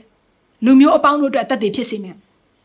နိုင်ငံတော်နဲ့ရှင်သောဧဝံဂေလိတရားကိုလောကီနိုင်ငံအရရက်တို့ကိုဟောရမယ်အဲ့တော့ဝေငှခိုင်းတဲ့အခါမှာယောက်ျားများသာဝေငှပါလို့ကျမ်းစာကမပြောသားဘူးအာမင်အဲ့တော့မှန်ပါတယ်ဒီအရာကတပည့်တော်တွေကိုဝင်ငှထားတာဖြစ်ပေမဲ့လေဒီနှုတ်ကပတ်တော်ဟာဧဝံဂေလိတရားကိုဝင်ငှတဲ့အခါမှာ ယောက်ျားဖြစ်စေမိန်းမဖြစ်စေတင်တို့ရှိသမျှတင်တို့ရှိသမျှဒီလို့ပြောနေခြင်းလည်းဖြစ်တယ်။အဲ့ဒီအရာကိုဘာနဲ့တော့ပြီးတော့ရှင်ပြမလဲဆိုရင်မဿဲခန်းကြီး28အခန်းငယ်18ကနေ19အတိုင်းရှင်ပြမယ်ဆိုရင်တင်တို့သွားရဲ့နော်အမျိုးသားသားနော်နှုတ်ကပတ်တော်ကိုဝင်ငှမှာမဟုတ်ဘူးအမျိုးသမီးကောအမျိုးသားကောကလေးသူငယ်ကောရှိသမျှသောသူကဘုရားသခင်နှုတ်ကပတ်တော်ကိုဝင်ငှဖို့ရတဲ့ဘုရားသခင်အလိုတော်ရှိတယ်အာမင်အဲ့ဒါပြီးမှပဲအဆုံးဟာဖြစ်လိမ့်မယ်တဲ့ အဲ့တော့အဆုံးဖြစ်တဲ့အခါမှာနော်ဒီဒီချင်းချက်ကလေးကိုကျွန်မတစ်ချက်လောက်ဖတ်ချင်တယ်ဒီအဆုံးမှာဖြစ်ပြလာမယ့်အရာကကျွန်မတို့တယောက်ချင်းဆိုင်ရဲ့အသက်တာထဲမှာနားလေတက်ဖွင့်အတွက်လိုအပ်တယ်အဲ့တော့တက်တက်ခန်းကြီးငါအခန်းငယ်တစ်ကနေကိုမှဗာပြောထားလဲဆိုညီကိုရောကက်ကာလအချိန်များကိုသင်တို့အားရေး၍ပေးလိုက်စရာအကြောင်းမရှိအဘဲကြောင့်ဤဟုမူကားတခိုးသည်ညအခါလာတကဲ့သို့သခင်ဖျားဤနေ့ရက်သည်လာလိမ့်မည်ကိုသင်တို့သည်တေကြစွာသိကြ၏ကျမတို့ကိုတဲ့ဖျားသခင်ကနော် ယေရှုခရစ်တော်ပြန်ကြွလာမယ့်အချိန်တိုင်းကိုသိသိဖို့ရန်အတွက်ဒီမှာပြောထားပြီးပြီဖြစ်တယ်တဲ့နှုတ်ကပတ်တော်အားဖြင့်ကျမတို့သေချာစွာသိတယ်ယေရှုပြန်ကြွလာတဲ့အခါမှာနော်အချိန်တိုင်းကိုတော့အတိအကျမရေးထားဘူးကက်ကာလာရဲ့အချိန်တိုင်းကိုလည်းအတိအကျမပြောထားဘူးသို့တော့ပြန်လာမယ့်အချိန်တိုင်းဟာဘယ်လိုမျိုးကဲအချိန်တိုင်းကဲ့သို့ဖြစ်မလဲဆိုတဲ့အရာကိုဒီမှာဖျားခင်ကနှုတ်ကပတ်တော်အားဖြင့်ရှင်ပေါလုကနေတဆင့်ကျမတို့ကိုပြောထားတယ်။တခိုးဟာညအခါလာတဲ့ကဲ့သို့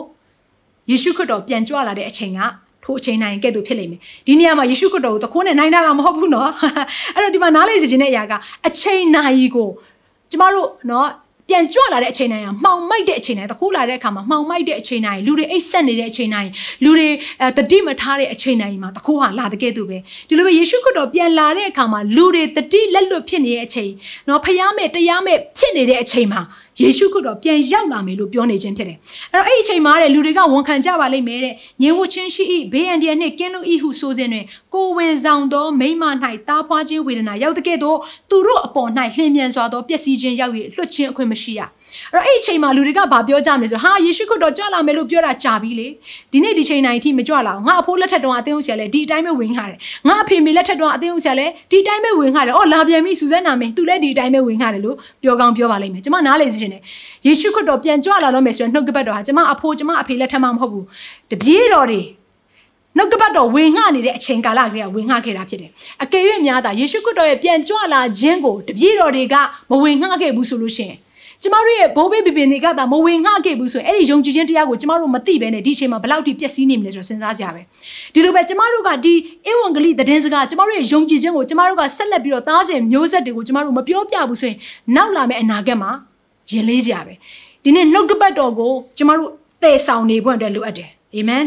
ယေရှုခရစ်တော်ပြန်ကြွလာမယ်ဆိုတဲ့အရာကိုအမြဲတမ်းတတိပေးပြီးတော့เนาะပြောဆိုနေဖို့အတွက်လိုအပ်တယ် ဒါမှပဲကျမတို့အသက်တာထဲမှာယေရှုကိုမျှော်လင့်ပြီးတော့အဲ့ဒီယေရှုခရစ်တော်ရှိစေခြင်းနဲ့အသက်တာထဲမှာအသက်ရှင်နိုင်မှာဖြစ်ပါတယ်အဲ့တော့ဒီမှာဗာပြောထားဆိုအဲ့လိုမျိုးတဲ့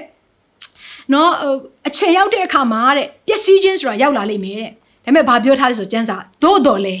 သို့တော်လဲဆိုတဲ့စကားလုံးကတိတ်ပြီးတော့တန်ဖိုးရှိတယ်အရှိမဖြစ်ပျက်တဲ့အရာတွေအားလုံးက နော်ဘလောက်ပဲဆိုးရွားနေပါစေသို့တော်လဲဆိုတဲ့စကားလုံးကကျမတို့တက်တာစီတယ်။ဘာပြောထားလဲဆိုရင်ညီအကိုတို့ထိုနေ့ရက်သည်တခိုးကဲ့သို့တင်တို့အပေါ်သို့ရောက်လာမည်အကြောင်းတင်တို့သည်မှောင်မိုက်နေနေကြသည်မဟုတ်။မှောင်မိုက်ထဲမှာနေတဲ့သူကတော့တခိုးလာရင်မမြင်ရဘူး။သို့တော့အလင်းထဲမှာနေတဲ့သူကတော့လှုပ်ရှားမှုမှန်သမျှကိုမြင်ရတယ်။အာမင်ဒါကြောင့်မလို့ကျမတို့ဟာအလင်းတော်သားဖြစ်တဲ့အတွက်ကြောင့်မလို့ယေရှုပြန်ကြွလာမယ့်အချိန်တိုင်းကို ဘလို့မျိုးယေရှုလှုပ်ရှားမှုရှိတယ်လဲဆိုတဲ့အရာတွေကိုကျမတို့ကမြင်ရတယ်ဘယ်အချက်အဖြစ်မြင်ရလဲမဿဲ24အဖြစ်မြင်ရတယ်မဟုတ်ဘူးလားအာမင်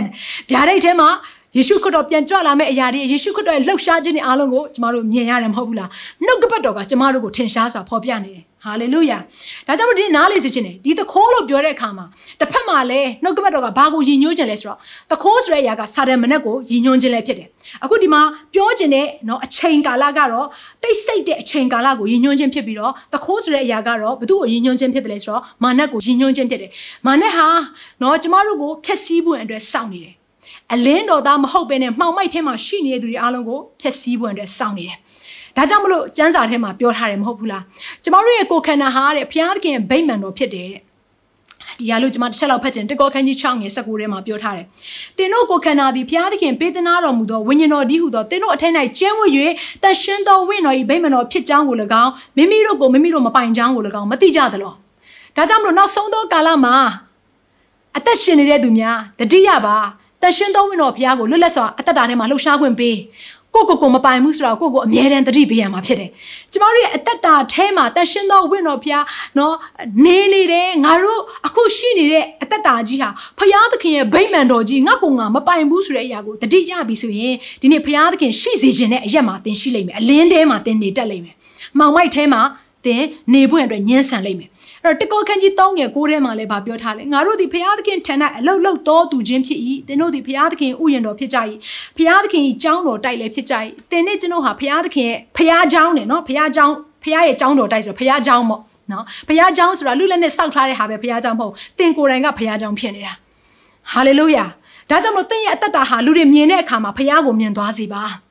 ဖျားသခင်ရဲ့အသက်ရှင်ခြင်းဖျားသခင်ရဲ့နော်အပြစ်ကိုမုန်းတီးခြင်းဖျားသခင်ရဲ့အသက်ရှင်ခြင်းကိုစုံမက်ခြင်းဆိုတဲ့အရာကိုမြင်တွေ့ဖို့ရန်အတွက်နောက်ဆုံးသောကာလဟာဒီကဲ့သို့အသက်ရှင်ရမှာဖြစ်တယ်ဒါပေမဲ့လည်းတစ်ဖက်မှာလည်းသိရမယ့်အရာကမာနက်ဟာဒီဖျားသခင်ရဲ့အသင်းတော်ဘုရားသခင်ရဲ့ဗိမာန်တော်ဘုရားသခင်ရဲ့ကြောင်းတော်တိုက်ကိုဖျက်ဆီးဖို့အတွက်နေမျိုးစုံနဲ့လှုပ်ဆောင်နေတယ်။ဒါကိုတမာတိရှိရမယ်။တမာတိရှိရမယ်။ဒါကြောင့်မို့တမာတိမရှိဘဲနဲ့တတိလက်လွတ်ဖြစ်နေတဲ့ ယုံကြည်သူတွေရဲ့အသက်တာထဲမှာတော့စုံစမ်းနှောက်ယှက်ခြင်းလာတဲ့အခါမှာပါသွားနိုင်စရာအကြောင်းရှိပါတယ်။အဲ့တော့ဆက်ပြီးတော့ကြည့်တဲ့အခါမှာနော်နှစ်ပေအခန်းကြီး3ငယ်30ကနေ7မှာလည်းပြန်ကြွလာတဲ့အချိန်မှာယေရှုပြန်ကြွလာတဲ့အခါမှာဖြစ်ပြမဲ့အရာတွေကိုရေးထားပြန်တယ်။နောက်အခုတော့ပထမတစ်ခုကတော့ကျွန်မပြန်အခုနောက်ဆုံးသောကာလမှာကျွန်တော်တို့အသက်ရှင်တဲ့အကြောင်းအရာနဲ့ပတ်သက်ပြီးတော့ပြောခဲ့တယ်။ပြီးတော့ဒုတိယတစ်ဆင့်ကတော့ယေရှုပြန်ကြွလာမယ့်အချိန်ကိုပြောတယ်။အခုတတိယတစ်ဆင့်ကဘာလဲဆိုတော့ပြန်ကြွလာတဲ့အချိန်မှာဖြစ်ပြမဲ့အရာ ကြိုတင်ပြီးတော့ဖခင်ကကျမတို့ကိုပြောပြထားတယ်ဖခင်ဘလောက်ကောင်းတယ်လဲကျမတို့ကိုစိတ်ချမှုပေးတယ်ဖြစ်ပြမဲ့အရာတွေအတွက်ခွန်အားပေးထားတယ်ဖြစ်ပြလာတဲ့အခါမှာဘလို့ရင်ဆိုင်ကြော်ဖြတ်ရမလဲဆိုတဲ့အရာကိုလည်းပြောတဲ့ပြင်ဖြစ်ပြလာမဲ့ကျမတို့ကိုတိုက်ခိုက်မဲ့အရာအသေးစိတ်ကိုလည်းဖွင့်ပြတယ်အိုးဖခင်သိကောင်းမြတ်တယ်ဟာလေလုယာဒီနေ့နှုတ်ကပတ်တော်ကိုသိတဲ့သူဟာဒုက္ခဆင်းရဲခြင်းကိုခံရတဲ့အခါမှာခွန်အားရှိလိမ့်မယ်ငြိမ်သက်ခြင်းရှိလိမ့်မယ်အာမင် အာမင်ဟာလေလုယာအဲ့တော့ဒီမှာဆက်ပြီးတော့ကြည့်တဲ့အခါမှာနှစ်ပေခန်းကြီး3ငယ်30ကနေ7မှာလည်းဗာပြောထားဆိုတခိုးသည်ညအခါလာတဲ့ကဲ့သို့ထာဝရဘုရား၏နေ့ရက်သည်ရောက်လိမ့်မည်ထိုနေ့၌မိုးကောင်းကင်သည်ကြီးစွာသောအတန်နှင့်တကွပျောက်သွားလိမ့်မည်ဒီကောင်းကင်ကြီးကကျမတို့ဘယ်တော့မှမပြည့်စည်ဘူးလို့ထင်ထားတဲ့ကောင်းကင်ကြီးဟာပျောက်သွားလိမ့်မယ်တဲ့လောကဓာတ်တို့သည်ပူအားကြီး၍ပြတ်ကျလိမ့်မည်မြေကြီးကိုမှဆပြီးမြေကြီးပေါ်မှာပြုတ်လုသမျှသောအရာတို့သည်ကျွမ်းလောင်ကြလိမ့်မည်ဒီကဘာကြီး ကျွမ်းလောင်တဲ့အချိန်ကာလရောက်လာလိမ့်မယ်။တို့ဖြစ်၍ဤအရာလုံးစုံတို့သည်ကုံစင်ပြီးမှန်သောကြောင့်မိုးကောင်းကင်သည်မီးနှင့်ပြည့်၍လောကရတို့သည်ပူအားကြီးလျက်အရေးကြိုခြင်းကိုခံရသောနေ့ဒီဟုသောဖျားသခင်ဤနေ့ရောက်လိမ့်မည်ဟုသင်တို့သည်မျှော်လင့်တောင်းတလျက်တန်ရှင်းသောအကျင့်ကိုကျင့်ခြင်းအာမင်ဖျားဝတ်၌မွေ့လော်ခြင်းအပြင်အဘယ်သို့သောသူဖြစ်အပ်ကြသနည်းကျမတို့ဘလို့လူဖြစ်တဲ့တယ်လေတဲ့ ဖခင်ရဲ့နှုတ်ကပတ်တော်တွေသိနေပြီဖခင်ကြွလာမယ့်အချိန်ကိုကျမတို့ကိုဖခင်ကပြောထားပြီးပြီဒီကဘာကြီးရဲ့အဆုံးမှာနော်ပျက်စီးခြင်းဆိုတဲ့အရာကရောက်လာတော့မှဖြစ်တယ်ဒါကြောင့်မလို့ဒီအရာတွေအားလုံးကိုသိတဲ့တင်တဲ့ကျွန်ုပ်ဖခင်ကပြောရင်ပြောတဲ့အတိုင်းလုပ်တယ်ဆိုတဲ့အရာကိုသိတဲ့တင်တဲ့ကျွန်ုပ်ဟာတဲ့နောက်ဆုံးသောကာလမှာသခင်ဘုရားရဲ့နေ့ကိုဘလိုမျိုးအသက်တာမျိုးနဲ့စောင့်စားကြမလဲတဲ့ဘုရားဆောင်စားခြင်းစေခြင်းနဲ့အသက်တာကတော့တန်ရှင်းခြင်းအသက်တာတန်ရှင်းသောအကျင့်ကိုကျင့်ခြင်းအကျင့်ဆိုတာလှုပ်ဆောင်ချက်ကိုပြောနေတာ နော်တနည်းအားဖြင့်ယေရှုခရစ်တော်ကိုယုံကြည်ပြီးတော့အပြစ်ထဲမှာလဲနေတာကိုပြောတာမဟုတ်ဘူးယေရှုခရစ်တော်ကိုယုံကြည်ပြီးတော့ယေရှုအသက်ရှင်တဲ့အတိုင်းအသက်ရှင်ခြင်းကိုကောင်းသောအကျင့်တန်ရှင်သောအကျင့်ကိုကျင့်ခြင်းလို့ခေါ်တယ်ဟာလေလုယာပြီးဖခင်ဝတ်နိုင်မွေ့လို့ခြင်းဖခင်ကိုကိုးကွယ်ခြင်းဖခင်မျက်မှောက်တော်ထဲမှာဖခင်ကိုဆွဲလန်းခြင်းအာမင်ဖခင်ခင်ကိုအမြဲတမ်းတောင်းတခြင်းထိုကဲ့သို့သောအသက်တာမျိုးနဲ့အသက်ရှင်ဖို့နဲ့ဘုရားခင်ကကျမတို့ကိုလိုချင်တယ်အဲ့တော့ပြီးခဲ့တဲ့၄ရက်လောက်ကကျမရဲ့မိတ်ဆွေတယောက်ကကျမကိုဗာပြောလဲဆိုတော့တကယ်ချင်းတဲ့ နောက်ဆုံးသောကာလမှာတဲ့ဘုရားသခင်ကတဲ့နော်အာငါတို့တွေအားလုံးကိုဆက်ပြီးတော့စစ်ကြောစုံစမ်းအောင်မလားမီးနဲ့စစ်ဆေးမယ်ဆိုတော့ကြမ်းပိုက်ကလေးတစ်ချက်လောက်ငါ့ကိုပြောပြအောင်ဆိုတော့ကျမဒီကြမ်းချက်ကလေးကိုကျမပြောပြဖြစ်တယ်ဒါကျမအဲတည်ရတည်တည်ခဲ့တယ်ပေါ့နော်အတင်းသားတယောက်ပေါ့နော်ဆိုတော့ဒါနဲ့ အာသူကဘာပြောလဲဆိုတော့ဒါနောက်ဆုံးသောကာလမှာနောဤလက်ထက်ကဲ့သို့ဖြစ်မယ်ဆိုတဲ့အရာကဟုတ်ရဲ့လားဘုရားခင်ကနောဤလက်ထက်ကဲ့သို့မလုပ်တော့ဘူးလို့လည်းဂရုပေးထားတယ်လေဒါနဲ့ပတ်သက်ပြီးတော့မရှင်းဘူးလို့ကျမကိုမေးတယ်ဒါနဲ့ကျမပြောလိုက်တယ်နောက်ဆုံးသောနောက်ဆုံးသောကာလမှာနောဤလက်ထက်ကဲ့သို့ဖြစ်မယ်ဆိုတဲ့အရာကိုယေရှုခရစ်တော်ပြောခဲ့ပြီးဖြစ်တယ်လို့အဲ့တော့နောဤလက်ထက်ကိုပြန်ကြည့်လိုက်မယ်ဆိုလို့ရှိရင်နောဤလက်ထက်မှာလည်းနော်ကျမတို့နောအေးကနေပြီးတော့လူအားလုံးကိုပြောတယ်မကြခင်မှာဘုရားရဲ့စီရင်ခြင်းရောက်လာလိမ့်မယ်မိုးရွာမယ်အဲ့ခေတ်တုန်းကလူတွေရဲ့နော်ဒီမြေကြီးပေါ်မှာ လူတွေကမိုးရွာတာမမြင်ဘူးမြေကြီးပေါ်မှာလည်းမိုးအဲ့လိုအကြီးအကျယ်ရွာခဲ့တယ်ဆိုတဲ့အရာကလည်းမရှိဘူးဆိုတော့လူတွေအားလုံးကဟာမဖြစ်နိုင်တဲ့အရာဒီတော့ตายာနေတာငါတို့ရဲ့နော်ကဘာမြေကြီးကตายာနေတဲ့အချိန်မှာဟာနော်အေးပြောသလိုမျိုးဖြစ်လာပါမလားဆိုတော့လူတွေကယုံမားတန်တရားနဲ့နော်အေးကိုပြောကြတယ်ပြည့်ရည်ပြုကြတယ်ဒါပေမဲ့လည်းအဆုံးမှာဖြစ်လာလားမဖြစ်လာဘူးလားဖြစ်လာတယ်တကဘာလုံးကိုရေနဲ့ဆေးကြောတဲ့အချိန်ကာလဆိုတာတက်ရောက်လာတယ်အခုဒီမှာလဲဖះကဗာပြောခဲ့ပြီးပြီလေတကဘာလုံးကိုမီးနဲ့ဆေးကြောတဲ့ကာလရောက်လာလိမ့်မယ် သို့တော့အခုအားလုံးကတတရရှိနေရလေเนาะအခု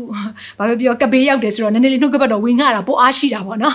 ဖခင်ရဲ့ဖခင်ရဲ့လှုပ်ဆောင်ချက်တွေเนาะအဲဖခင်ရဲ့တတိပေးချက်တွေဖခင်သခင်ရဲ့เนาะအာ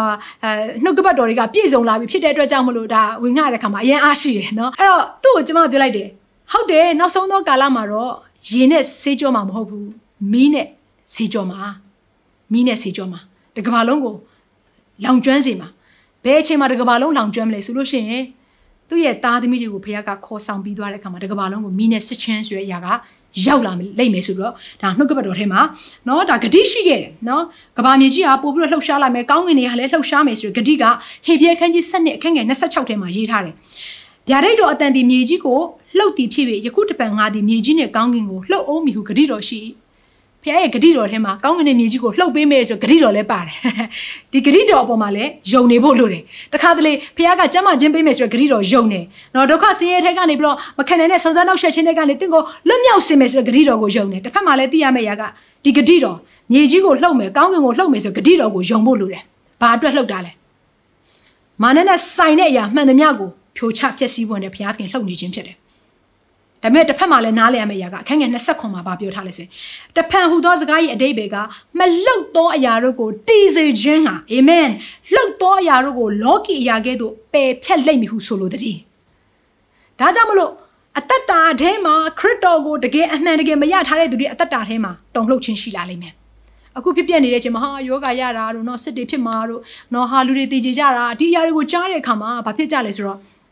တုံ့လှုပ်တဲ့သူတွေကတုံ့လှုပ်ကြတယ် သို့တော်လည်းဘုရားရဲ့ဂတိတော်အပေါ်မှာယုံကြည်တဲ့သူတွေကလည်းငြိမ်သက်နေတယ်ဒါကြောင့်မလို့နောက်ဆုံးသောကာလမှာကျမတို့ကဘုရားရဲ့စကားတော်တွေကိုတတိယပါ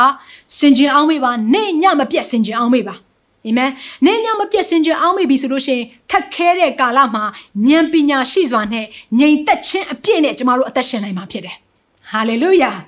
ဒါကြောင့်မလို့နှစ်ပေခန်းကြီး3ငယ်ခုနှစ်မှာလည်းဗာပြောထားလဲဆိုရင်ယခုရှိသောမိုးကောင်းကင်နှင့်မြေကြီးမူကားတရားဆုံးဖြတ်၍အတ္တမလူတို့ကိုဖျက်ဆီးသော နေ့ရက်တိုင်အောင်ထိုနှုတ်ကပတ်တော်အပြင်တူထားလျက်ရှိ၍မီးရှို့ခြင်းအဖို့လုံကနေ့ရက်တည်းဒီကဘာမြေကြီးဟာနော်ကျမတို့ကောင်းကင်ပေါ်တက်သွားတဲ့အခါမှာကြံခဲ့တဲ့သူတွေနဲ့ဒီကဘာမြေကြီးဟာဘုရားခင်ဆုံးမခြင်းနဲ့မှာမီးရှို့ခြင်းခံရဖို့အတွက်ပါသွားလိမ့်မယ်အခုချိန်မှာတော့ဘုရားရဲ့ကျေးဇူးတော်ကာလဖြစ်တယ်ဘုရားသခင်ရဲ့နော်နောင်တလန်တဲ့ကိုသွေးဆောင်ပြီးတော့ကျမတို့ကိုချစ်ချင်းမြတ်တာနဲ့နော်သူ့အထံကိုလာဖို့ရအတွက်ဘုရားသခင်ဆွဲခေါ်နေတဲ့ကာလဖြစ်တယ်သို့တော့ဘုရားသခင်ရဲ့နေ့ဒီဟူသောဒေါသနဲ့မရောက်ခင်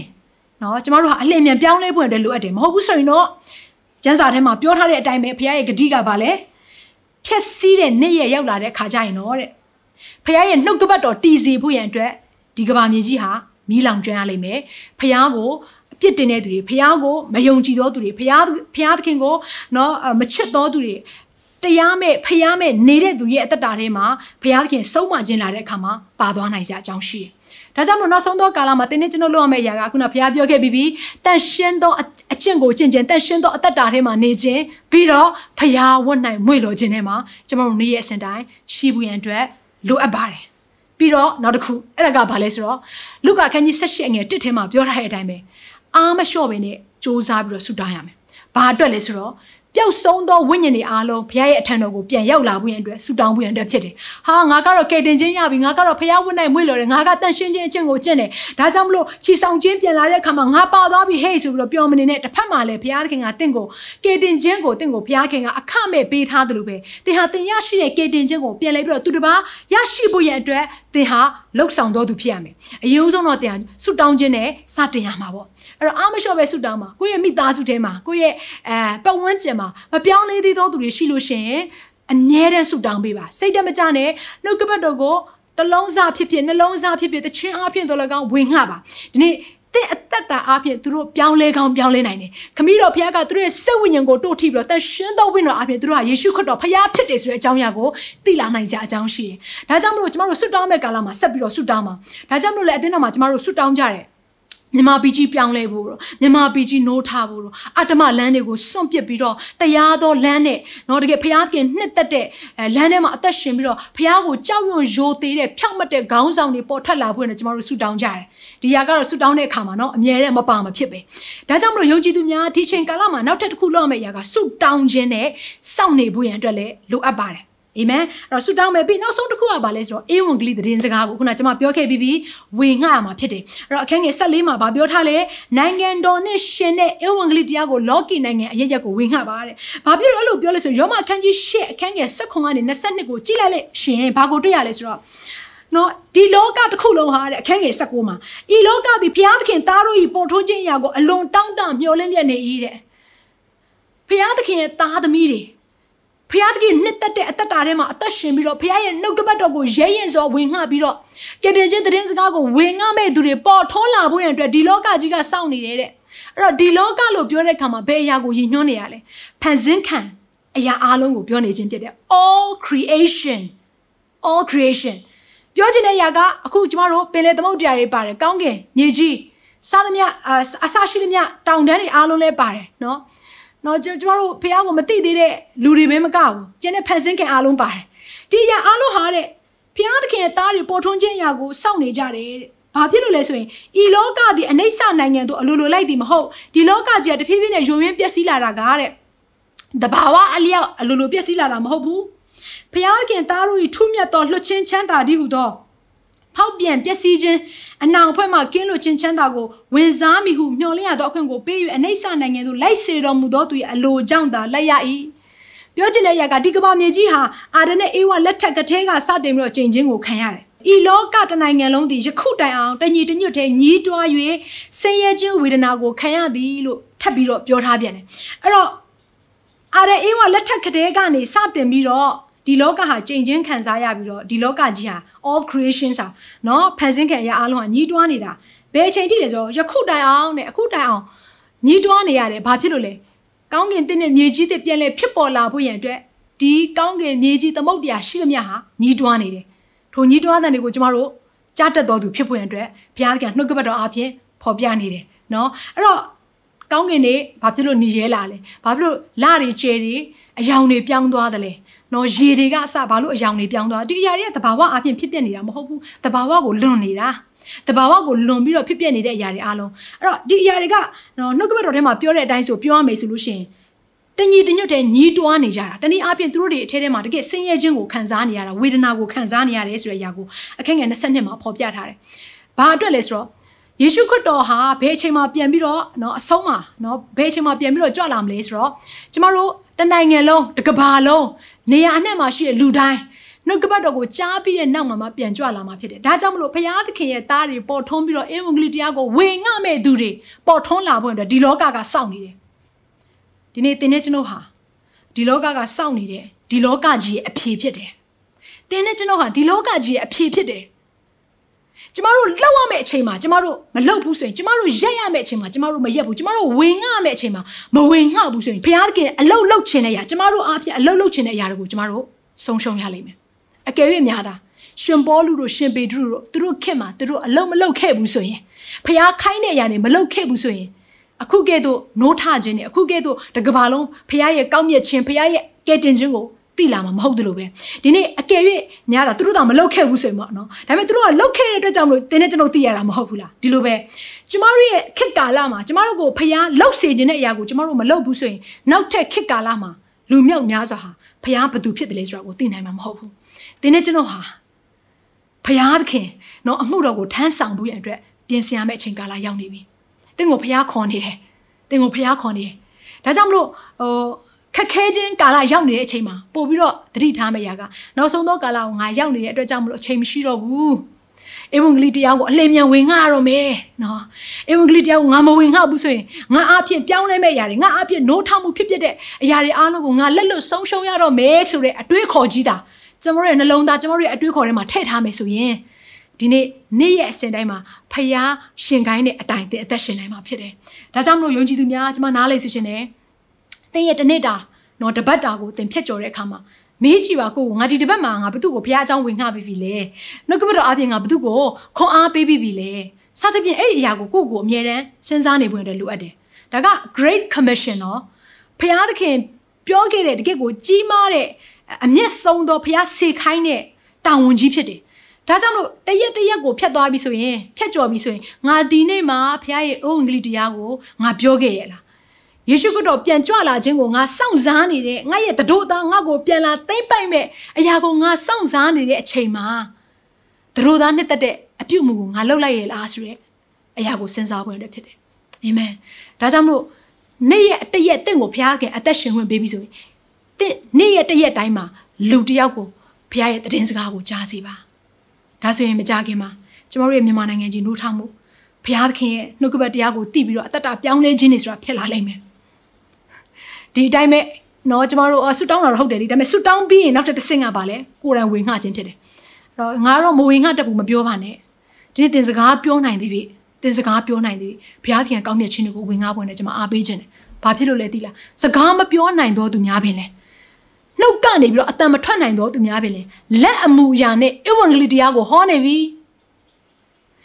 အချင်းချင်းပေါ့နော်တချို့တွေဆိုလို့ရှိရင်လည်းအဲ့အဲ့ဒီလက်အမူအရာနဲ့စကားပြောတဲ့နီးကိုတင်ပြီးတော့မှ စကားမပြောနိုင်တဲ့သူတွေကိုသွားပြီးတော့အမှုရာနဲ့နားမကြားနိုင်တဲ့သူတွေကိုအမှုရာနဲ့သွားပြီးတော့တင်ပေးနေတဲ့နှုတ်ကပတ်တော်တွေကိုဝင်ငှပေးနေတဲ့သူတွေရှိနေပြီ။ဒါကြောင့်မလို့ငါမပြောတတ်ဘူးလို့ဘယ်တော့မှမပြောပါနဲ့။ငါနှုတ်ကပတ်တော်ကိုငါမတင်ကြားခဲ့ရဘူးဘယ်တော့မှမပြောပါနဲ့။ဒီနေ့တင်နားထဲမှာဒီနေ့ ဧဝံဂေလိတရားစကားပဲဖြစ်ဖြစ်ဒါမှမဟုတ်တင်နှုတ်ကပတ်တော်ကိုဖတ်လိုက်လို့တင်မြင်ရတဲ့စကားပဲနော်နှုတ်ကပတ်တော်ကျမ်းစာပဲဖြစ်ဖြစ်ဒါမှမဟုတ်သူတစ်ပါးတရားဟောတဲ့အရာပဲဖြစ်ဖြစ်တင်ကြားပြီဆိုရင်ဒီနေ့အဲ့ဒါတင့်ကိုအလကားကြားခိုင်းတာမဟုတ်ဘူးတင့်ကိုပြန်လှည့်ပြီးတော့နှုတ်ကပတ်တော်ကိုစေလွတ်ဖို့ရန်အတွက်ဘုရားခင်ကကြားစီတာဖြစ်တယ်ဒါကြောင့်မလို့လောကီရေးရမှာတက်မှတ်တော်သူတွေမဖြစ်ပါနဲ့ဝါကြွားတော်သူတွေမဖြစ်ပါနဲ့လောကီရေးရထဲကထွက်ပြီးတော့ဝိညာဉ်ရေးရအတွက်အသက်ရှင်ဖို့အတွက်တင့်ကိုဘုရားသခင်ကနောက်ဆုံးသောကာလမှာခြံထားတာဖြစ်တယ် အာမင်ဗျာဒိတ်21တက်မှာနောက်ဆုံးသောကာလပြီးပြီဆိုရင်တော့ယေရှုပြန်ကြွလာတဲ့အချိန်တိုင်းအားလုံးပြီးပြီဆိုရင်တော့ကောင်းကင်တက်နဲ့မြေကြီးသစ္စာပေါ်ပေါက်လာလိမ့်မယ်အဲ့ဒီအချိန်ရောက်ရင်တော့ကျမတို့ဒီလောကမှာတော့ခရစ်တော်ရဲ့ဧဝံဂေလိတရားကိုဟောလို့ကျမတို့ကိုညှင်းဆဲခံရတဲ့အရာတွေကျမတို့ကိုလူတွေမုန်းတဲ့အရာတွေကျမတို့ကိုလူတွေတစ္ဆာဖောက်တဲ့အရာတွေကျမတို့နောက်ကျောကိုဓာတ်နဲ့ထိုးတဲ့အရာတွေနာကျင်ခြင်းအားလုံးမျက်ရည်ရှိသမျှအားလုံးဟာပြီးဆုံးသွားပြီဘုရားသခင်ရဲ့ နော်ရင်ခွင်ထဲမှာကျမတို့အားလုံးဟာငြိမ်သက်ခြင်းအပြည့်နဲ့ဝမ်းမြောက်ခြင်းအပြည့်နဲ့ထာဝရကာလတစ်ခုလုံးကိုကျမတို့နေရမှာဖြစ်တယ်ဟာလေလုယာဒါကြောင့်မလို့ဒီနောက်ဆုံးသောကာလမှာကျမတို့ဟာဝိညာဉ်ပိုင်းဆိုင်ရာမှာအနေသာသာနဲ့နော်အဆင်ပြေသလို comfort zone ထဲမှာနေသောသူတွေမဟုတ်ဘဲနဲ့ဖျားသခင်နှုတ်ကပတ်တော်အတွက်လူတွေရဲ့အမုန်းကိုခံပြီးတော့ကိုယ့်ရဲ့တက်တောင့်တတာဖြစ်နေတဲ့ဇုံတွေကနေထွက်ပြီးတော့ဖျားရဲ့နှုတ်ကပတ်တော်ကိုဝင်ခါပွင့်တယ်ကျွန်မတိုက်တွန်းခြင်းတယ် အခုအချိန်မှာကျမတို့ဝမ်းနေရကောင်ဝမ်းနေရလိမ့်မယ်အခုအချိန်မှာကျမတို့အတွက်ခက်ခဲကောင်ခက်ခဲလိမ့်မယ်အခုအချိန်မှာကျမတို့အတွက်ကျင်းမြောင်းကလမ်းထဲကိုရောက်ကောင်းရောက်လိမ့်မယ်သို့တော့အဲ့ဒီຢာတွေအားလုံးကကျမတို့ကိုကျေတော့တော့တကယ်ဖျားသခင်ကောင်းကင် နိုင်ငံတော်တဲကိုတွတ်သွင်းစေတဲ့အရာဘုရားသခင်ပြိမဲ့စုတရဖူတွေကိုရကြအကြောင်းဖြစ်လိမ့်မယ်။ဒါကြောင့်မလို့ညီကောင်မောင်မများဒီနေ့ကစပြီးတော့ဆုံးဖြတ်ချက်ချပါငါတစ်နေ့အသက်ရှင်ရပြီဆိုရင်အဲ့ဒီတစ်နေ့တဟာဘုရားသခင်ရဲ့နိုင်ငံတော်အတွက်ပဲဖြစ်ရမယ်။ဘုရားသခင်ရဲ့ဧဝံဂေလိတရားအတွက်ပဲဖြစ်ရမယ်ဆိုရဲဆုံးဖြတ်ချက်ကိုချပြီးတော့ကျမတို့နောက်ဆုံးသောကာလကိုအသက်ရှင်ကြရအောင်။အာမင်။ရောက်ချင်းစံကိုဘုရားရှင်အထူးကောင်းချီးပေးပါစေ။ဒီအစီအစဉ်လေးအပြင်သင်ရဲ့အသက်တာမှာကောင်းကြီးဖြစ်မယ်ဆိုတာ ကိုကျွန်တော်ယုံကြည်ပါတယ်ဗီဒီယိုကြည့်ပြီးခံယူလို့သူများအတွက်အပတ်စဉ်တရားဟောခြင်းများ Bible Study ကြီးမွန်ကိုယ်ွယ်ခြင်းနဲ့အခြားသောအကြောင်းအရာတွေဟာသင်အတွက်အဆင်သင့်ရှိနေပါတယ် YouTube မှာ The City Space TV လို့ရိုက်ထည့်လိုက်တဲ့အခါကျွန်တော်တို့ကိုတွေ့ရှိမှာဖြစ်ပါတယ် Subscribe လုပ်ခြင်းအပြင်သင်နဲ့ထက်ချက်မကွာအမြင်ရှိနေပါပါဒါအပြင် Facebook မှာလည်း The City ရန်ကုန်လို့ရိုက်ထည့်လိုက်တဲ့အခါသတင်းအချက်အလက်နဲ့ poster တွေကိုအချိန်နဲ့တပြေးညီတွေ့ရှိအောင်မှာဖြစ်ပါတယ်ခင်ဗျာ The City Podcast ကိုနားထောင်ကြတိုင်း ဖျားသခင်ရဲ့ထူကြသောဖွင့်ပြချက်နဲ့ကောင်းကြီးမင်္ဂလာများခံစားမိကြောင်းကျွန်တော်ဆုတောင်းရင်ဤစီစဉ်လေးကိုဒီမှာပဲညှိနှိုင်းပါရစေ